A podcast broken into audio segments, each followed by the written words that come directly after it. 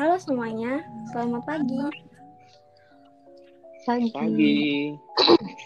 Kembali lagi ke podcast kesayangan kita, apalagi kalau making podcast.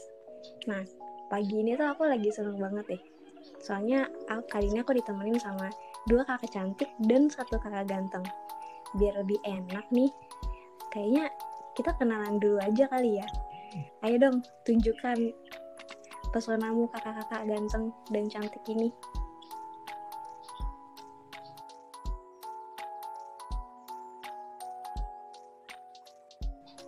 Hai.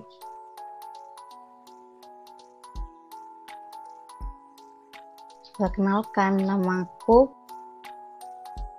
Putri Zulfaningsih. Halo Putri. Hai, kakak cantik.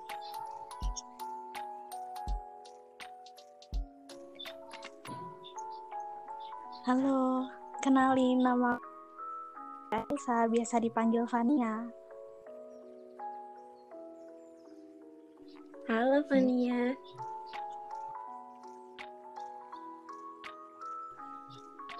Halo, Hai, nama aku Ganis Hernanda Sonaca, biasanya dipanggilnya Sony. Halo Kak Sony. Halo. Kalau aku Agnesia Leonita, biasanya dipanggil Nesya. Eh, ini kan BTW nih ya, ini kan masih suasana lebaran. Jadi aku mau mengucapkan minal aizin wal faizin, mohon maaf lahir dan batin untuk teman-teman yang merayakan. Kira-kira nih teman-teman di sini apa kabar deh? Aku udah lama nggak ketemu kalian. Lagi liburan kayak gini kalian ngapain aja sih? Coba dari Putri. Kamu apa kabar, Put? Aku alhamdulillah kabar baik sih.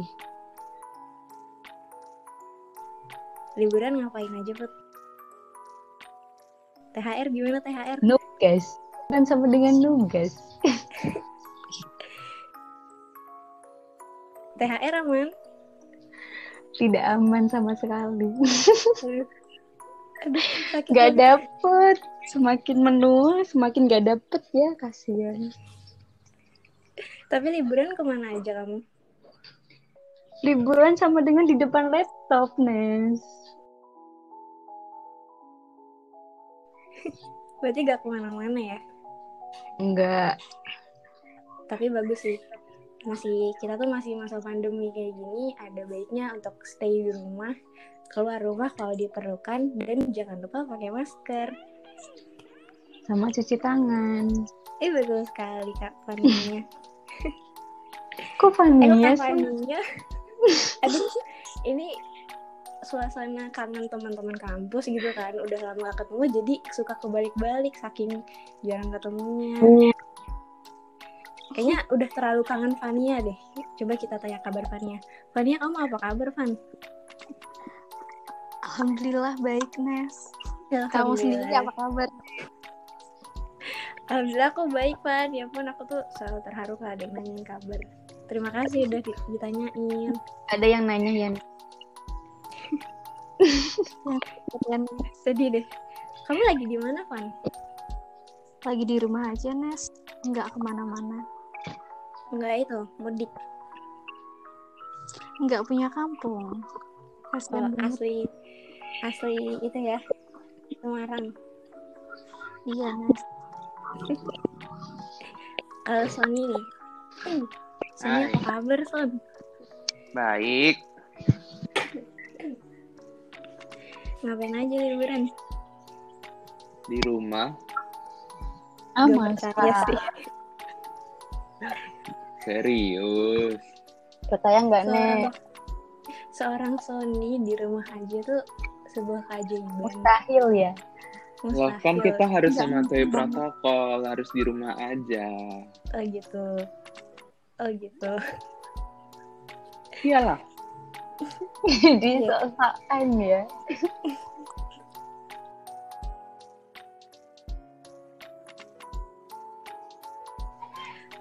btw nih btw ada yang tahu nggak sih kita tuh mau ngapain sih di sini Mau ngapain ayo? mau arisan nggak sih? Enggak ya? Enggak arisan ya?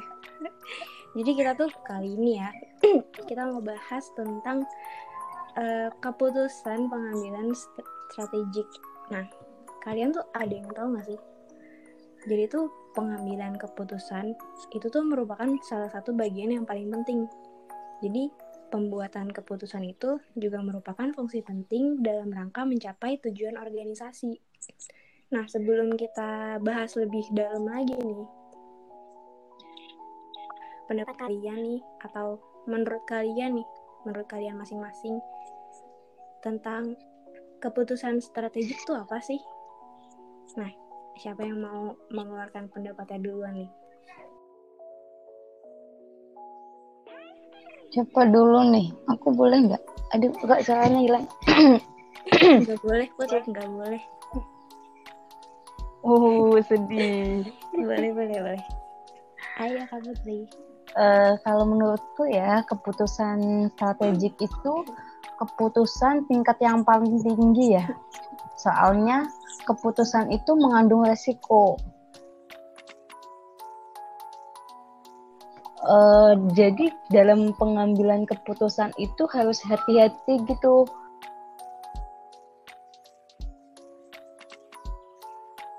Nah, di dalam keputusan itu tuh terdapat serangkaian tindakan-tindakan di antara alternatif yang tersedia untuk dikembangkan untuk mencapai tujuan organisasi atau perusahaan.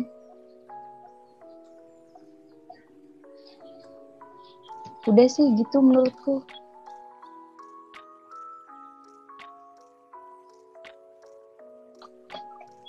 Oke, kalau menurut Kak Sony,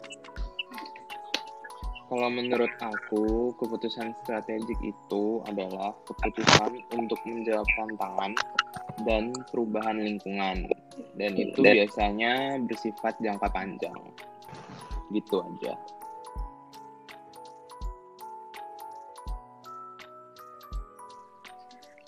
Kalau menurut Kania gimana kan?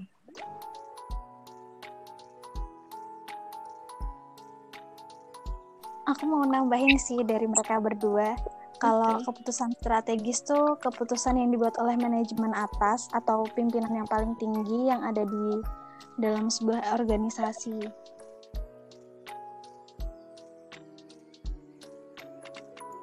Jadi keputusan strategis itu tuh dibuat untuk mengatasi setiap perubahan lingkungan yang ada di dalam sebuah organisasi seperti pengurangan pegawai gitu, Nes.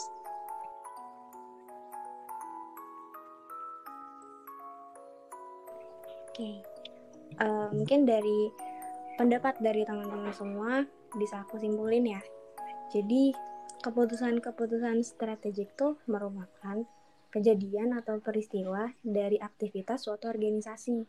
Nah, strategi berkaitan dengan upaya menyesuaikan atau biasa disebut matching, menciptakan, menghasilkan, serta mengalokasikan sumber daya dengan berbagai alternatif aktivitas-aktivitas organisasi dengan lingkungan di mana perusahaan atau organisasi beroperasi untuk mencapai tujuan melalui hubungannya yang efektif dengan lingkungan. Apabila tujuan udah berjalan dengan baik, maka kenyataan itu sudah merupakan kunci keunggulan dan kesuksesan sebab arahnya itu jelas, yaitu maksudnya mendapatkan manfaat terbesar dengan menggunakan sumber daya yang tersedia.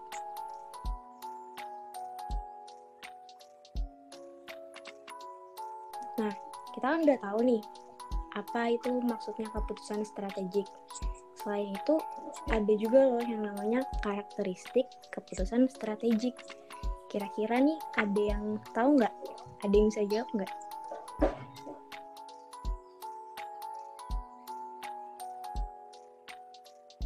Aku mau, aku mau.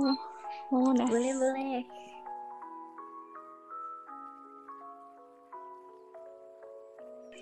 Gimana, Fania? Menurut karakteristik keputusan strategik tuh ada potensi resiko biaya dan laba yang lebih besar.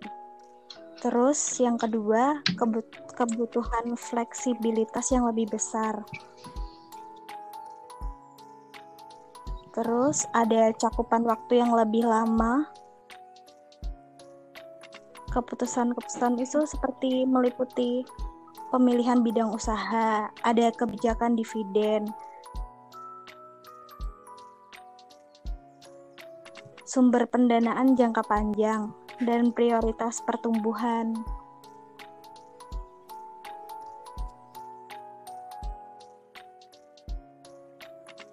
Udah sih. Eh, terus selain itu, di keputusan strategik itu juga ada beberapa domainnya. Kira-kira ini ada yang tahu nggak domain dari keputusan strategik itu ada berapa?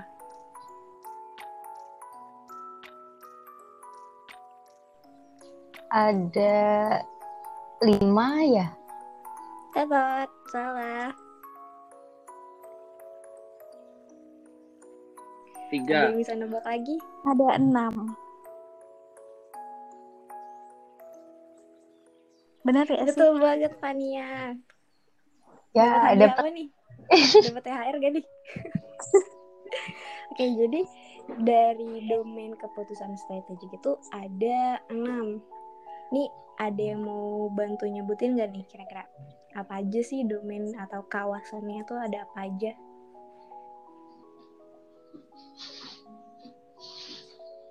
Kak Sony mungkin? Oke, jadi kawasan yang pertama itu keputusan harus pertama-tama berkaitan dengan hakikat mendasar dari suatu organisasi. Dari sana akan muncul keputusan-keputusan yang lain.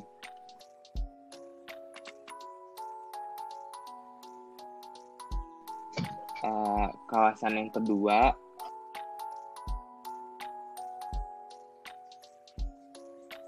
kelompok masyarakat yang akan dilayani oleh organisasi atau target group yaitu kelompok yang akan memperoleh manfaat dari program aktivitas organisasi kebutuhan kelompok yang dilayani.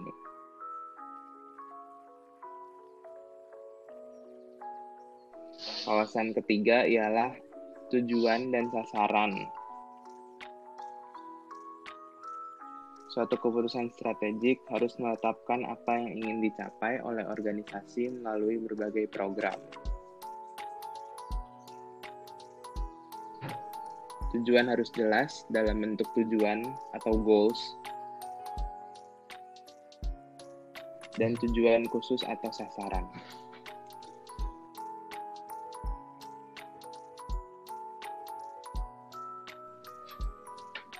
Kayak tadi baru sampai tiga ya. Kira-kira ada yang mau nambahin lagi nggak? Yang keempat, kelima, keenamnya tuh apa sih? Kasih tahu dong. Ah. Aku tambahin ya. Kai.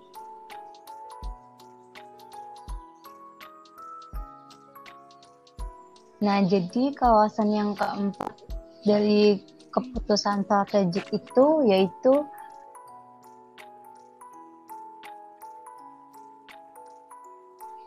program dan pelayanan harus diuraikan jenis program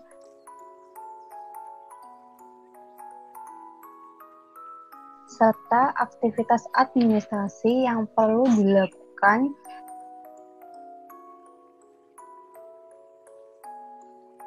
yaitu yang perlu ditawarkan kepada masyarakat untuk mencapai tujuan.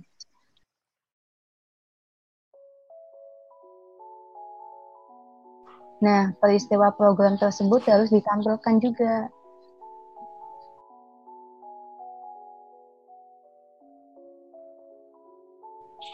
Terus kawasan yang kelima yaitu berkaitan dengan wilayah pelayanan serta geografis.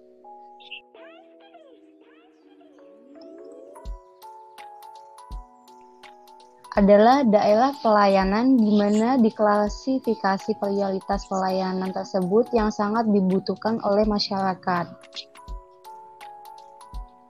Nah, yang keenam apa ya?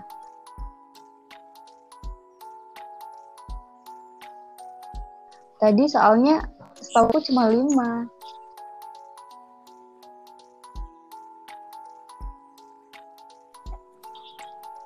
Mau nambahin dong.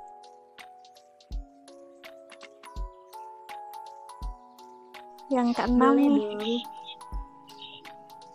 menurut aku kawasan yang keenam ada keunggulan komparatif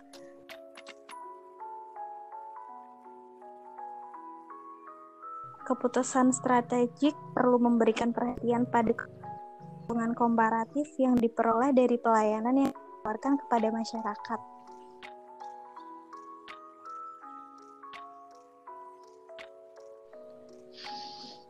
Jadi, dapat dibandingkan dengan pelayanan yang diberikan oleh organisasi lain.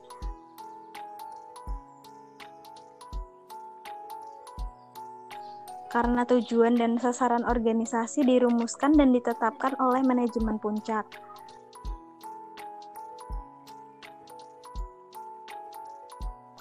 Keputusan strategik memiliki peranan yang sangat besar dalam mengendalikan yang mempengaruhi keseluruhan tubuh organisasi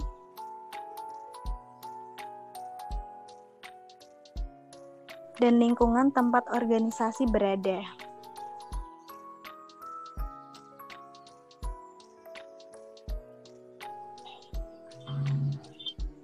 Nah, kan kita udah tahu nih tentang domain atau kawasan keputusan strategik.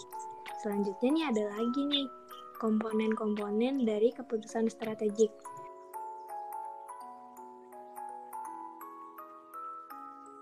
Kalau yang kawasan tadi ada 6, ada 6 poin. Kira-kira ada yang bisa nebak gak nih komponen ada berapa poin?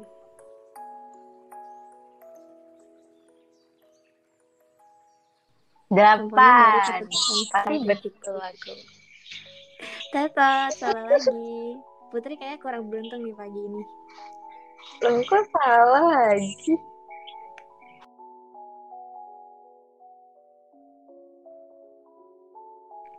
Ada lagi nggak yang bisa nebak? Ada berapa nih? Lima. Salah.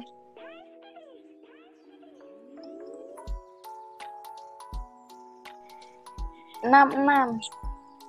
Tujuh. Salah. Tebak semua. 7, 8, 9, 10. Sembilan. 11.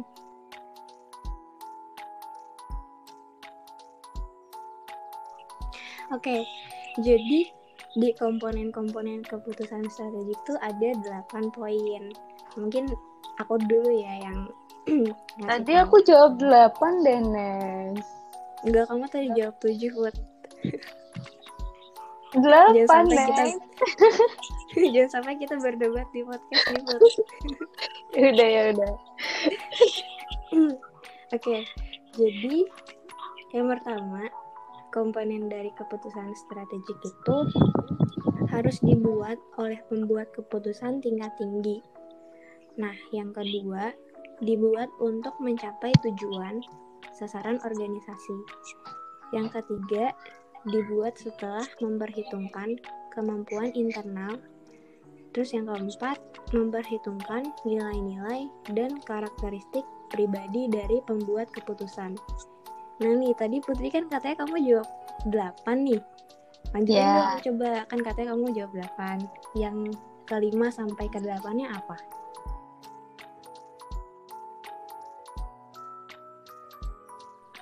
Jadi komponen dari keputusan strategik yang kelima itu mempertimbangkan lingkungan eksternal.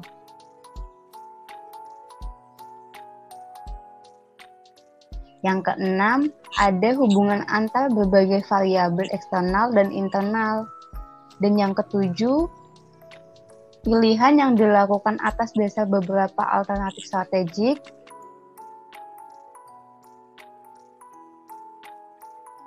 Dan yang terakhir yaitu mengandung makna persaingan atau kompetitif.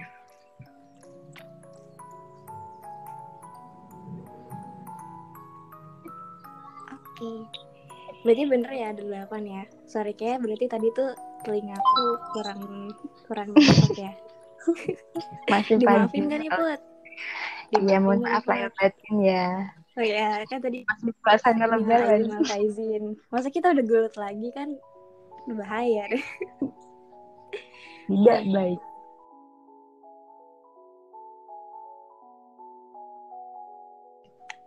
Kita udah tahu kan nih apa itu keputusan strategik, kita udah tahu karakteristiknya, kita udah tahu domainnya juga, komponennya pun kita juga udah tahu. Nah, kalian juga tahu nggak sih kalau keputusan strategik tuh juga ada model-modelnya. Itu juga ada poin-poinnya lagi, ada yang mau debak lagi nggak nih? Ya aku suka ngasih tebak-tebakan deh kalian.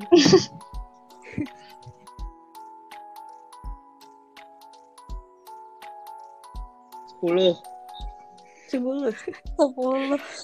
Tapi kalau salah. Ada berapa? Lima. No, Ada empat. no. Tiga, tiga. Tujuh. Ayo coba kita belajar lagi. Coba nih, kira-kira eh, yang tadi yang jawab angka-angka itu apa aja coba yang kalian tahu dari model-model keputusan strategik.